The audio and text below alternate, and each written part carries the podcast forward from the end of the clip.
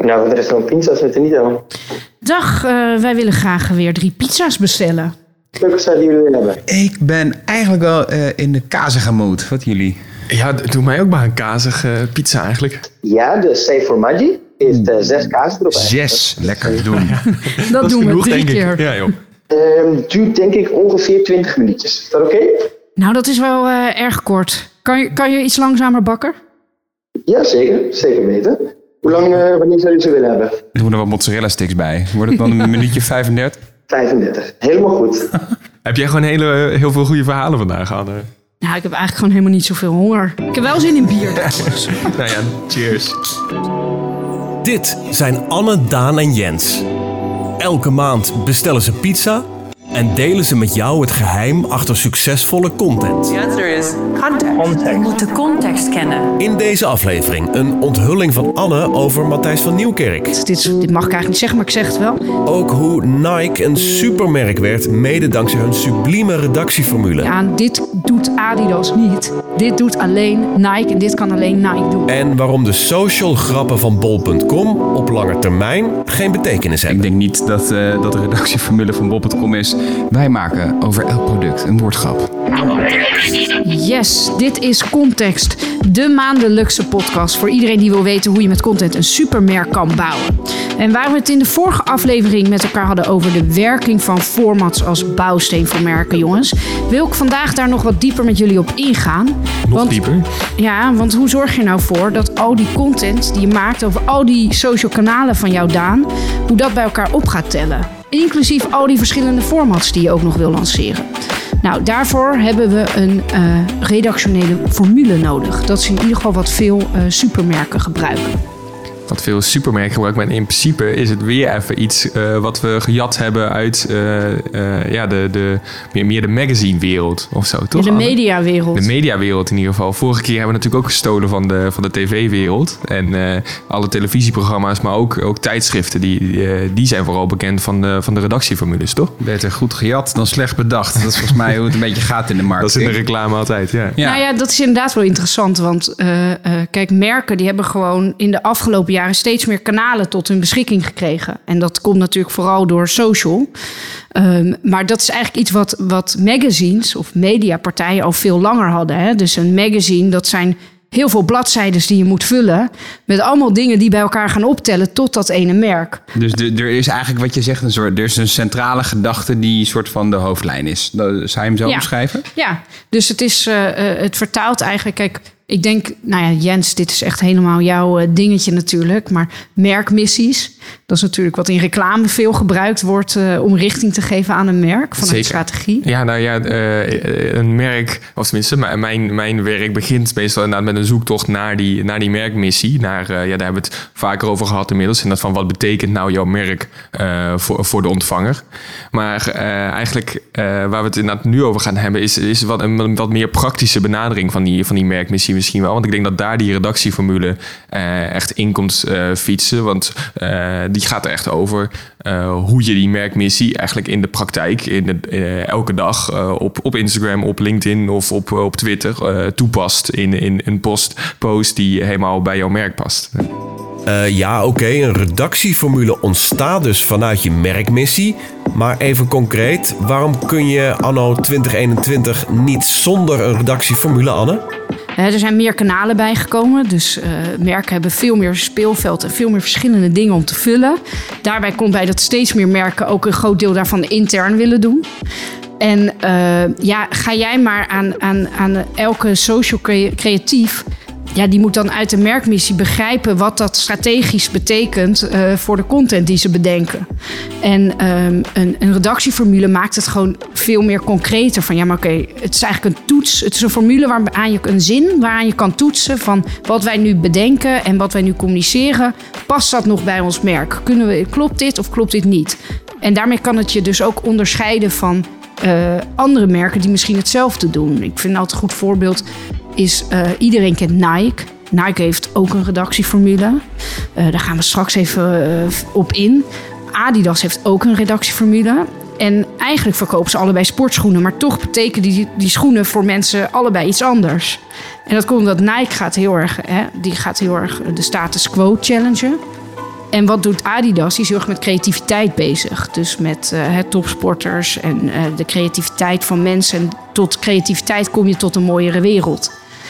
En dat zijn uh, eigenlijk twee dezelfde schoenenmerken. Uh, maar ze hebben een hele andere betekenis omdat hun formule heel anders in elkaar zit. En daarmee ook hun communicatie anders is en een andere betekenis krijgen. Ze kunnen eigenlijk hetzelfde onderwerp behandelen, maar op een totaal andere manier. Eigenlijk. Ja. Op dezelfde manier zoals als ook uh, Linda Magazine het kan hebben over seks. En Volkskrant Magazine het kan hebben over seks. En dat, dat zijn twee manier. totaal verschillende ja. artikelen. Omdat ze een totaal andere redactieformule en, en invalshoek hebben eigenlijk. Ja. Kijk, technologie heeft niet het vermogen van een merk uh, veranderd om een verhaal te vertellen, maar wel de frequentie waarop je dat verhaal kan vertellen aan mensen. Dus social heeft ervoor gezorgd dat wij opeens op heel veel momenten aan mensen ons verhaal kunnen vertellen. Dus wat, is je verhaal? Dat wordt steeds belangrijker, omdat je steeds meer vaker mensen daarmee kan raken. En uh, heeft gewoon in de, in de jaren zeventig al ingezien van. Ja, wij moeten gewoon een heel goed verhaal hebben. En mensen die onze producten kopen, die kopen dat niet omdat ze een mooie jas willen. Eigenlijk wat ze doen is ze kopen die jas en ze beleven avonturen. En die avonturen moeten we centraal stellen. En uh, die avonturen die ze beleven, daarvoor, daardoor leren ze de natuur beter kennen. En dan uh, daar uh, ja, komt uit voort dat je goed voor de natuur moet zorgen. Ja, maar even heel concreet, want we hebben het hier over de redactieformule. Wat zijn nou precies de elementen? Dat kan jij, uh, Anne, als een, redactiebeest, durf ik wel te zeggen, denk ik wel vertellen. Maar wat zijn nou de elementen vanuit een redactie die voor een marketeer belangrijk zijn en die spreken uit zo'n redactieformule? Welke elementen zijn dat? Wat interessant is aan een redactieformule, wat dat kan invullen eigenlijk voor marketeers, is een, een normaal heeft een redactie. Ik heb heel lang voor de Wereld Draait Door gewerkt hè, in de redactie. En daarboven stond een uh, hoofdredacteur. En daarnaast stond Matthijs van Nieuwkerk, dat was eigenlijk uh, hoofdredacteur 2.0. Die uh, kon alles vetoen. Dan bedacht je iets van, ja, we hebben de hoofdgast van de dag. Dit speelt nu op dit moment. En dan zei Matthijs, hartstikke leuk, laten we naar Nieuwsuur gaan. Wat er in de, in de Gazastrook gebeurt, dat is niet DWDD. Dus die wist heel goed, hè, DWDD's redactieformule, dat was... Uh, we moeten vernieuwend zijn, enthousiast, snel... en altijd aandacht hebben voor de actualiteit, wetenschap en cultuur. DWD is creatief en speelt nooit op veilig. Ja, dus, dus, dus eigenlijk wat een redactieformule je brengt... wat een merkmissie je misschien wat minder doet... is uh, het kaderen van de onderwerpen... en de invulling van je content die je kunt gaan doen. En dus concreet ja. zeggen van dit is een toetssteen waaraan wij kunnen uh, toetsen of de content die we willen maken of de voorstellen die worden gedaan aansluiten bij wat we met z'n allen belangrijk vinden. Ja. Ja. En, en het effect wat dat heeft is eigenlijk uh, bijvoorbeeld bij de Wereld Door dat het programma heel erg een bepaalde identiteit krijgt. Uh, in het geval van de Wereld Door zit het ook best wel dicht verbonden aan de identiteit van Matthijs van Nieuwkerk. Uh, dat merk je überhaupt wel vaker bij redactiesformules, dat het best wel iets heel persoonlijks heeft. Dat het echt een personificatie is of zo van, van, van het merk. En daarom uh, er zijn ook veel tijdschriften die rondom een persoonlijkheid, rondom Maarten van Rossum of uh, Linda de Mol zijn gebouwd. omdat dat heel erg soort van een bepaalde. ja, het, het is een merk opeens met een identiteit waar je ook echt mee kan identificeren en mee wil identificeren. Waardoor je echt fans krijgt van, van de wereld erdoor.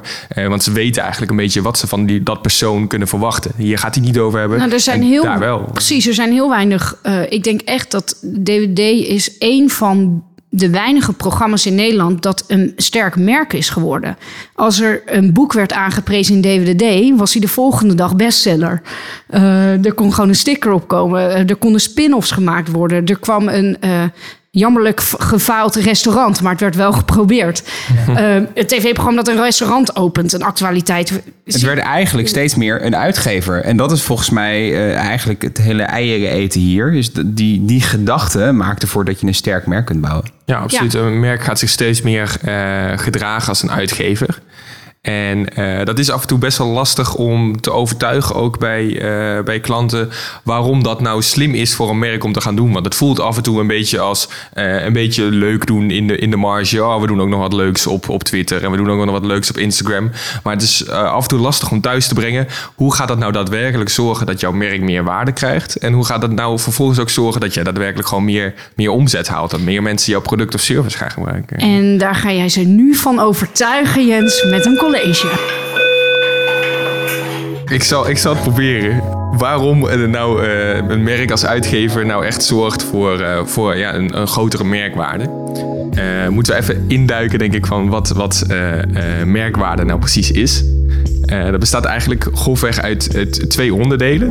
Je, de Engelse termen brand salience en brand image. Eh, of in eh, het Nederlands eh, je mentale beschikbaarheid wordt het vaak genoemd. Of je, je merkimago of je merkidentiteit.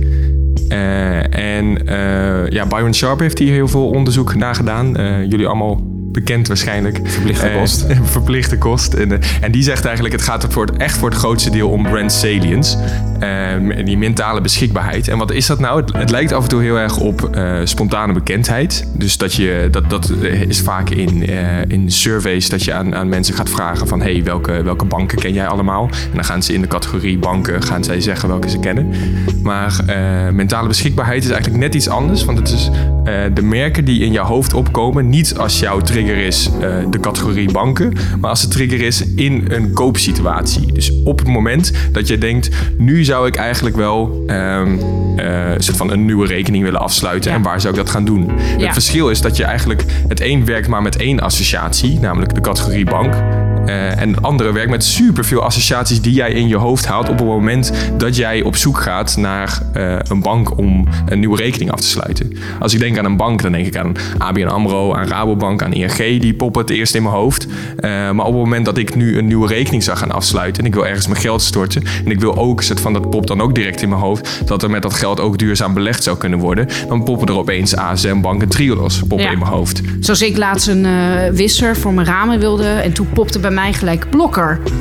Heel lang gezocht naar een blokker. Die had dat dus niet. Dus eh, dat, is dan, dat was een grote teleurstelling. Maar dus op een, op een koopmoment dan schiet zo'n Ja. merkje te binnen eigenlijk. Exact. En Byron Sharp zegt dat is het allerbelangrijkste. Moet het ook nog fysiek bereikbaar zijn natuurlijk. Dat, dat, dat is het andere inderdaad. Want dan, anders ga je het nog steeds niet kopen als je niet kan kopen. Eh, En heeft dat te maken met, met aanwezigheid? Eh, dat, hij zegt heel vaak dat, dat het alleen maar om bereik moet gaan. Dus dat je op zoveel mogelijk plekken inderdaad gewoon ja, mentaal beschikbaar moet zijn. Eh, maar eh, wat we inmiddels wel zien is dat het, dat het meer gaat om puur bereik. Want het moet ook, soort van, je moet het niet alleen maar zien. Maar we zien zoveel reclames op een dag. Je moet ook soort van echt aandacht aan hebben om eh, direct die associaties te krijgen. En dat is het eigenlijk het mooie van een, van een merk als, als uitgever. Die zorgt eigenlijk op zoveel mogelijk plekken, verschillende plekken, eh, probeert dat merk soort van met jou een bepaalde connectie te maken. En probeert echt helemaal niet dat merk eh, op dat moment te verkopen. Die probeert alleen maar de associatie aan te leggen. Eh, ASN, duurzaamheid. ASN, duurzaamheid. Triodos, duurzaamheid. Die proberen dat allebei. Hotel Trivago. Hotel Trivago, inderdaad. Eh, zodat op het moment dat je inderdaad dat, dat gaat denken, dat je, dat je eh, eh, als, als zijnde eh, koper die een duurzame bank bijvoorbeeld wil, dan dat je, dat je daar dan bij die, een van die twee banken terechtkomt. Het is wel interessant, want die, die, die, die storyteller van Patagonia, een van de grote baas daar, die, die zei ook van... Ja, wij hebben er toen echt voor gekozen dat Patagonia... die moet een positieve impact hebben op de wereld. En hij zei, dat is echt een lange termijn iets. Dus we gingen er helemaal niet meer jassen door verkopen. Eh dat, dat deed er eigenlijk helemaal niks.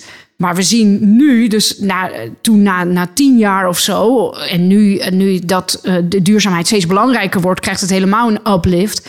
Maar die zei wel, ja, dat is gewoon echt eh, continu hetzelfde blijven herhalen. Alles moet bij elkaar optellen in je campagnes, in alles.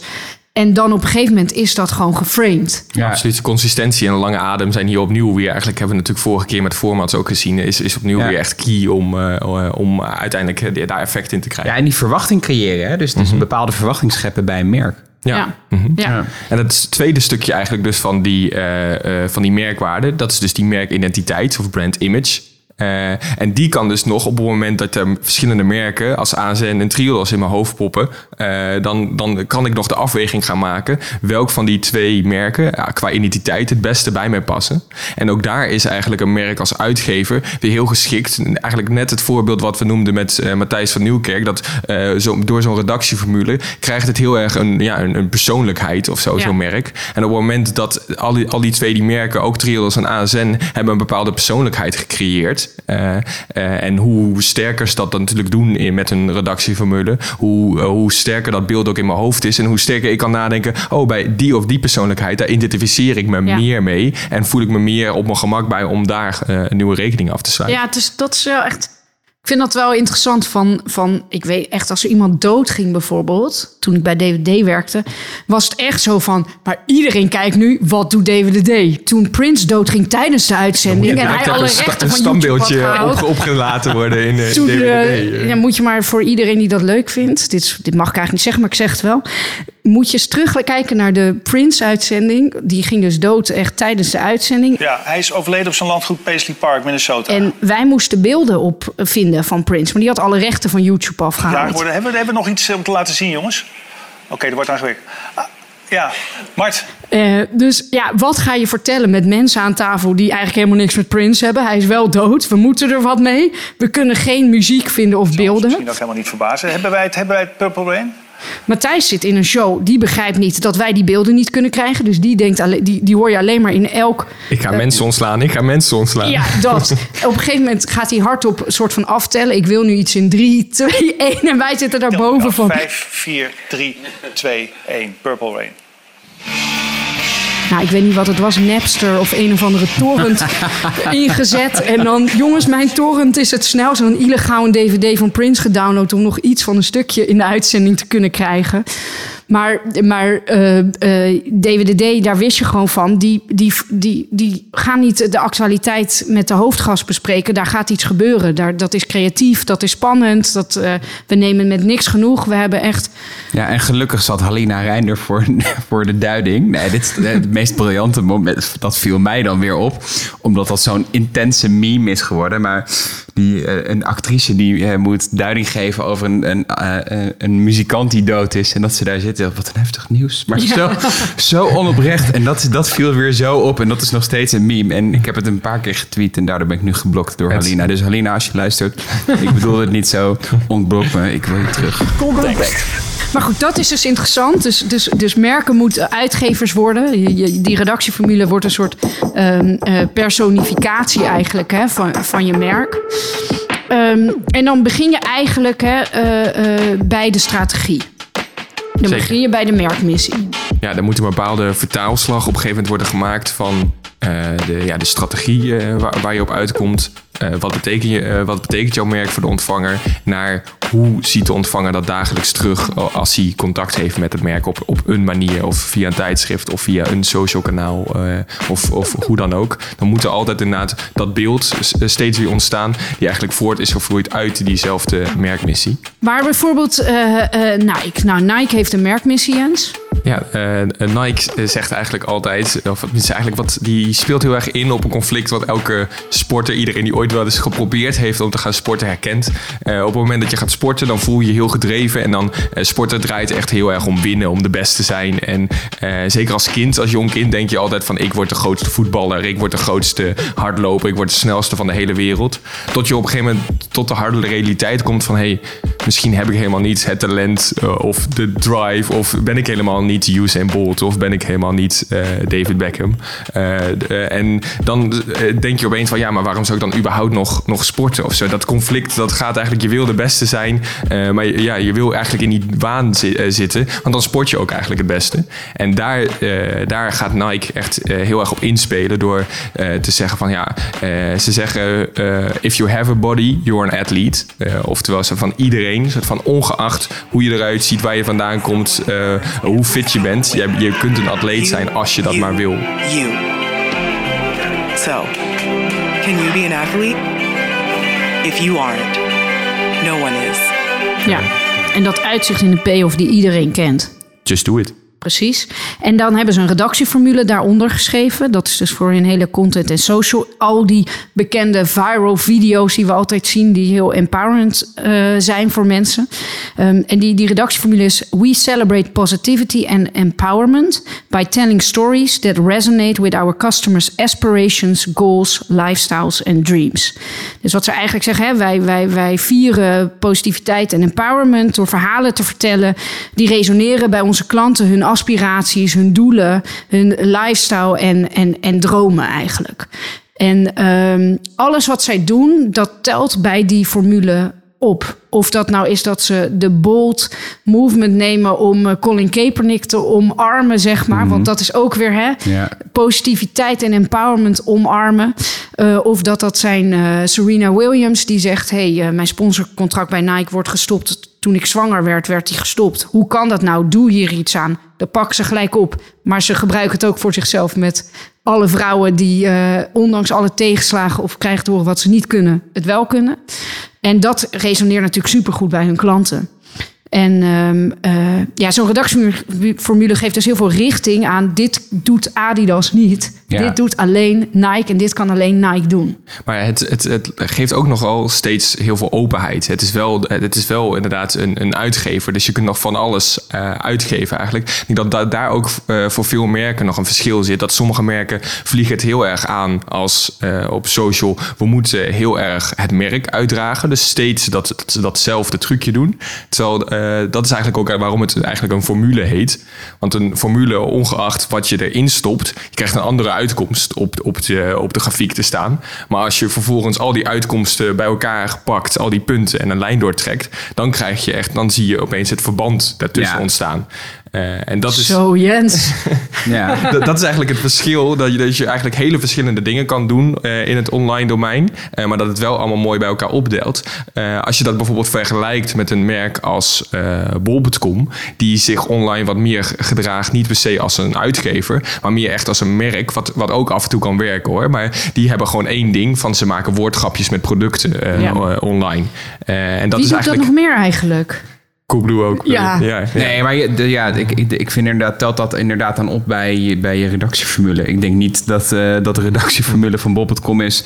Wij maken over elk product een woordgrap. Nee, Nee. precies. Dat, dat is gewoon heel erg een merk inderdaad. Die, die zich inderdaad eh, met hetzelfde gezicht overal wil laten zien. Maar die niet als een uitgever zich gedraagt. En denkt van dit gebeurt er nu in de actualiteit. En daar wil onze doelgroep nu iets over weten. Of iets, oh, daar is ze mee, zijn ze mee bezig in hun hoofd. Het is gewoon, oh, we hebben nu een koelkast aan te bieden. Wat weet iemand een woordgrap met Ja. koelkast? Ja. Ja, en daar scheurt hij denk ik ook. Hè? Want enerzijds heb je dus een redactieformule die heel erg stuurt. En anderzijds, eh, we hadden het er net al eventjes over, zo'n redactieformule. Leg je idealiter heen over alles wat je maakt. Maar je maakt ook wel eens uitstapjes. Je maakt ook wel eens inhakers. Je maakt wel eens eh, andere eh, proactieve content. Hè, En, en dan zie je soms dat, eh, en dat is waarom bol.com dat waarschijnlijk nu doet, dat die woordgrapjes die werken. Daar gaan ze veel viral mee. En ze hebben dat eigenlijk bijna als een soort van tactiek neergelegd, waardoor er een soort van verwachting is ontstaan dat ze altijd grapjes maken. Maar wat is verder dan de context van bol.com voor jou als merk zijnde, zeg Wat maar? De vraag is inderdaad wat het voor je merk doet. Snap je? inderdaad. Dus, dus, dus ik, ik snap ook heel erg dat eh, als je gaat kijken zonder redactieformule naar je content. eh, en je ziet wat werkt en je gaat je, eh, je strategie daarop aanpassen. Dan ben je niet meer op je merk aan bouwen, maar meer op hoe maak ik scorende content. En uiteindelijk gaat dat minder optellen bij wat het voor je merk doet dan als je daar wel over nadenkt. Ja, want het gaat gewoon niks betekenen. Kijk maar naar Booking.com. Het is hartstikke leuk al dat ge- data-gedreven conversie die ze deden. Maar er is niemand die een gevoel heeft bij, bij Booking. Oh jawel, ja, als, als ik ergens in Zuidoost-Maleisië sta en ik kan op mijn telefoon toch nog voor een, eh, een habbekrats een, eh, een hotelletje boeken. Ja, ik vind Booking wat dat betreft, maar dat is meer Ja, maar omdat dat ze is de enige functioneel. zijn Die, die, die het doen. Ja, dat is maar, maar verder denk ik, ja, bij Booking, ja. Als weet nu je, een- ik, vind het, ik, vind het, ik vind het een scheidbedrijf, want ze lopen je de hele tijd te manipuleren met allerlei, oh, drie mensen voor je. En, Ik voel eh, wel is heel veel emotie bij bij Booking. Ik voel er heel veel emotie bij, maar, ik, maar in die end... shit, er is nog één wachtende. Nee maar, in, in, nee, maar dat is wel de context die mensen hebben. Laten we eerlijk zijn. Je weet dat je belazerd wordt. Je weet ook dat ze veel te lage prijzen vragen aan de mensen... omdat ze een monopoliepositie hebben. Maar ja, goed, weet je. Ik zie echt die pitch van Booking nu aan onze neus voorbij eh, vliegen. Dan hadden we die staan. Nee, topbedrijf, love it. Nee, maar, nee, maar weet- ik bedoel, daar, daar zijn ze zelf ook best wel eerlijk over. En dat weten ze. Ja, ik ben eigenlijk wel heel benieuwd inderdaad hoe dat nou... eh, ja, want het is best wel een praktisch iets natuurlijk, een of zo. Dus ik zou, ben wel, wel benieuwd hoe een klant van ons eigenlijk daar nu eh, eh, ja, mee echt aan de slag gaat in de praktijk. Ja, en hoe het helpt. Ja. Nou, dan wordt het volgens mij tijd voor de proef op de som, jongens. Anne, sla jij je Rolodex eens even open met telefoonnummers en bel een willekeurige klant die jullie hebben geholpen met het uitrollen van een redactieformule. Succes! Ja, ik heb hem. Het is uh, Holland Barrett geworden. Ik vind dat super interessant, want kijk, als je kijkt naar Holland Barrett, Ethos, ja, het zijn allemaal inwisselbare hè, winkels. Maar hoe kunnen ze toch uh, uniek worden door een redactieformule? En dat hebben wij, uh, hebben wij hen mee geholpen. Ze hebben ook een intern team van maar liefst zeven contentmakers. Dus daarbij was die redactieformule nog belangrijker dat er een soort van ja, hoofdredactie vanuit die formule continu gepleegd wordt. We zijn ook onwijs gegroeid hè, in de laatste tijd, ook mede daardoor door. Dus gezien hoe belangrijk het is dat je dat, je, dat, je dat op een goede manier invult. Ja, dat je goed, goed dus elke keer dat consistent dat verhaal vertelt. En de redactieformule die wij eh, met, met hen hebben geschreven, want dat doe je altijd met een klant en nooit voor een klant, is um, ja, in een wereld waar consumenten worden overweldigd met boodschappen over well-being. Kijk maar naar bijvoorbeeld ethos die ook well-being volledig pakt. Blijven wij bij de essentie van natuurlijke gezondheid. Gebaseerd op de kennis en lessen uit de natuur maken we natuurlijke gezondheid zo toegankelijk en begrijpelijk voor iedereen. En daarin zijn de belangrijkste woorden lessen uit de natuur en uh, natuurlijke gezondheid toegankelijk, toegankelijk en begrijpelijk maken. En ja, het past heel goed bij het merk. Het is bijna een open deur eigenlijk. Nou, ze kunnen dit eigenlijk als enige ook zeggen, omdat mm Holland Bert al meer dan 100 jaar eigenlijk uh, kennis haalt uit de natuur. Echt wetenschappelijke kennis.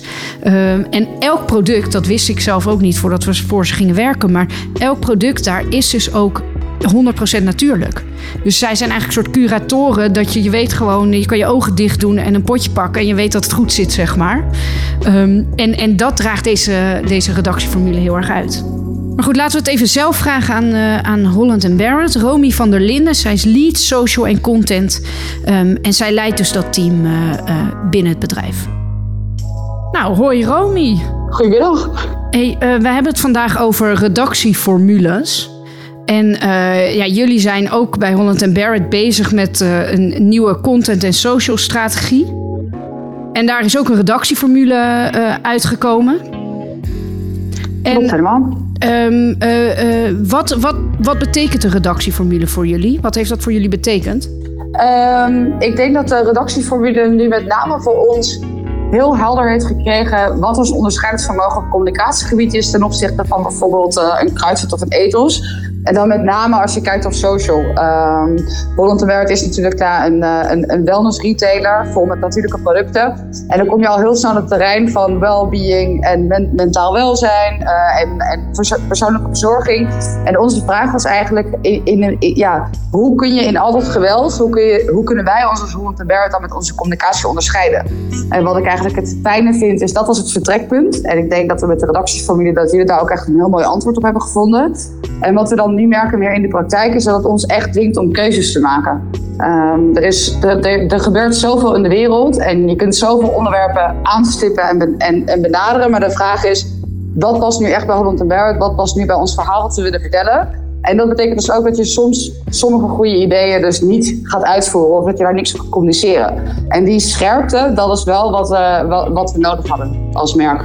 Kun je een voorbeeld geven van zo'n uh, van zo'n keuze? Wat je, wat je in eerste instantie misschien wel over had gecommuniceerd, maar nu met behulp van die redactieformule, dat je eigenlijk bedenkt van nou, dit gaan we toch niet doen, of juist wel?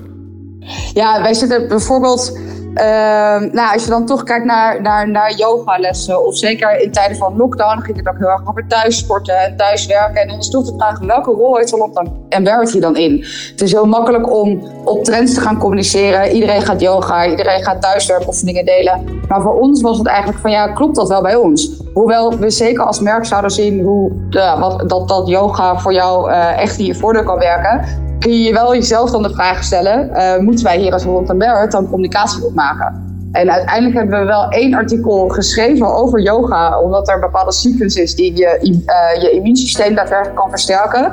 En daar zit dan weer meer de les van het Holland Barrett die we je kunnen vertellen van oké, hoe kan je op een natuurlijke manier je weerstand verhogen. Dus soms kan je er wel een haakje vinden vanuit de redactieformule, maar er zijn ook zeker onderwerpen die we moeten laten schieten. Um, puur omdat het nu voor ons belangrijker is om eigenlijk één geluid te laten horen dan om maar ja, op alles ook onze eigen draai te willen geven.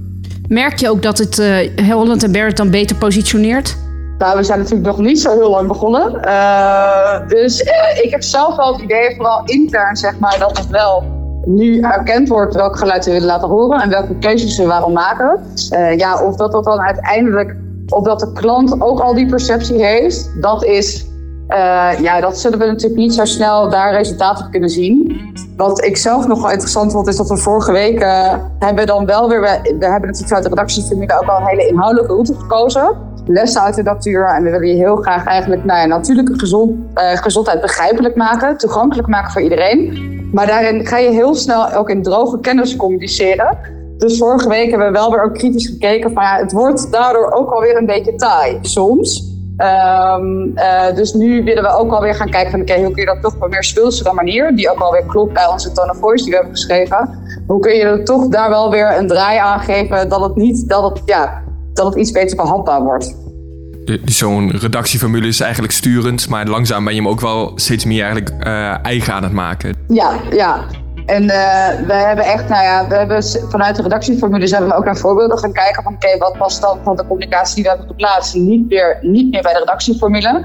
Uh, en daardoor hebben we echt een hele shift gemaakt uh, de andere kant op. En ik denk dat we nu een beetje op zoek moeten gaan naar de gulden middenweg. Dus het blijft ook wel in ontwikkeling. En het is ook training van het team, van, van welke manier van denken, met welke blik kijken wij naar de wereld, hoe kunnen wij ons iets eigen maken. Um, ik denk dat dat er nu wel steeds meer in komt. Um, en, en dat betekent ook wel dat je de organisatie soms kan challengen op, nou, hier gaan we niks over communiceren. Of je gaat gewoon plat advertenties maken. Want we hebben het hier natuurlijk wel echt over content en niet, niet zozeer over alle communicatie van 100 miljard. Dus daar zit natuurlijk ook nog een verschil in. Hangt de formule nog ergens ingelijst in een mooi goudframe uh, aan de muur? Nee, maar hij is wel. Uh, zou het moeten doen. Want hij wordt wel zo vaak aangehaald. Maar dan in de allerkortste versie is hij lessen uit de natuur. Dat is echt de allerkortste versie van de redactieformule nu geworden. En dat hoor ik wel echt overal terug. Want we zijn nu uh, aan het nadenken over de marketingplannen van zeg maar ons nieuwe financial year. Dat start dan 1 oktober. En ook daar gaan we kijken van oké, okay, hoe wil je de marketingplan ondersteunen met content? Maar dan zou er in je marketingplannen, wil je eigenlijk al gaan communiceren op lessen uit de natuur. Uh, we gaan natuurlijk ook de podcast doen. Dus uh, een tuin vol verhalen. Nou, Hoppa. en hij staat dus ook mooi aan op de payoff. Natuurlijk uit de tuin van 100 ja. Ja. Cirkeltje rond. Okay, nou, thanks. Oké. Okay. Uh, thanks, hè? Uh, neem ook een biertje straks. Ja, ik, uh, ik, ga, ik ga straks naar huis en dan staat daar hopelijk nog een bierschout in de koelkast. Ja, goed. Oké, okay, hey, proost en succes nog. Hey. Staat er al pizza? Ja, dat dacht ik al. um, Zes kazen. Ik ga ze even halen. Er komen nu uh, 18 kazen onze kant op, geloof ik. Maar uh, ja, om even een, een, kleine wrap-up te doen. Uh, je merkt inderdaad gewoon dat merken steeds meer zich als, als uitgever gaan, gaan profileren. En dat het ook heel erg terecht is, omdat je daar gewoon superveel associaties mee krijgt die op, opeens weer relevant zijn op het moment dat je dat merk misschien gaat kopen of niet. Dat zie je dus ook, dat merken, hè, dus bijvoorbeeld een Airbnb, daar kijken veel marketeers tegenop. Um, datzelfde geldt voor Nike, Patagonia. Het zijn allemaal merken die een sterke redactieformule hebben en daar uh, uh, ja, zich strikt aan houden in hun content en social. Zeker en, bij Airbnb, als je dat naast Booking.com legt, ja. dan, dan zie je inderdaad het verschil inderdaad, wat, wat het bij mensen oproept. Ik denk ja, als luisteraar dat je ook wel moet denken, inderdaad, ja, voor Airbnb heb je gewoon wat meer liefde dan, dan voor Booking.com, ondanks hoe, uh, of je er misschien wel eens, wel eens koopt of niet. Maar. Precies, en hetzelfde geldt als je Booking afzet tegen KLM. KLM heeft ook sterke redactieformule, hele sterke content. Ja, het betekent gewoon meer voor mensen. He, ze krijgen allebei staatssteun, maar toch willen we niet dat KLM verdwijnt. Tenminste, misschien een paar Gen Z's, maar de meeste Nederlanders staan toch nog achter het merk KLM. Absoluut. En dat is de kracht denk ik van een redactieformule. En als jij nu als marketeer luistert en je denkt, ja, maar ik kan nooit een Patagonia worden, ik kan nooit een Nike worden, dit is niet voor ons weggelegd. Nou, dan willen wij jullie ook weer uitdagen om er eens met ons over na te denken met redactieformule. Ja, bel ons, hè? Ja, en ik geef hem ook zo weg. Ik vind het echt niet erg, want ik vind het echt heel tof als we betere content in de wereld gaan krijgen. Zeker. Uh, geen pizza bezorger. Die, uh, die uh, moest snel door, want die had nog een paar andere pizza's die koud zouden worden. Dus, nou ja, vergeet het. Kaas. kaas en bier. Ja. Context. Meer context? Abonneer je dan op deze podcast en laat een recensie achter in je podcast-app.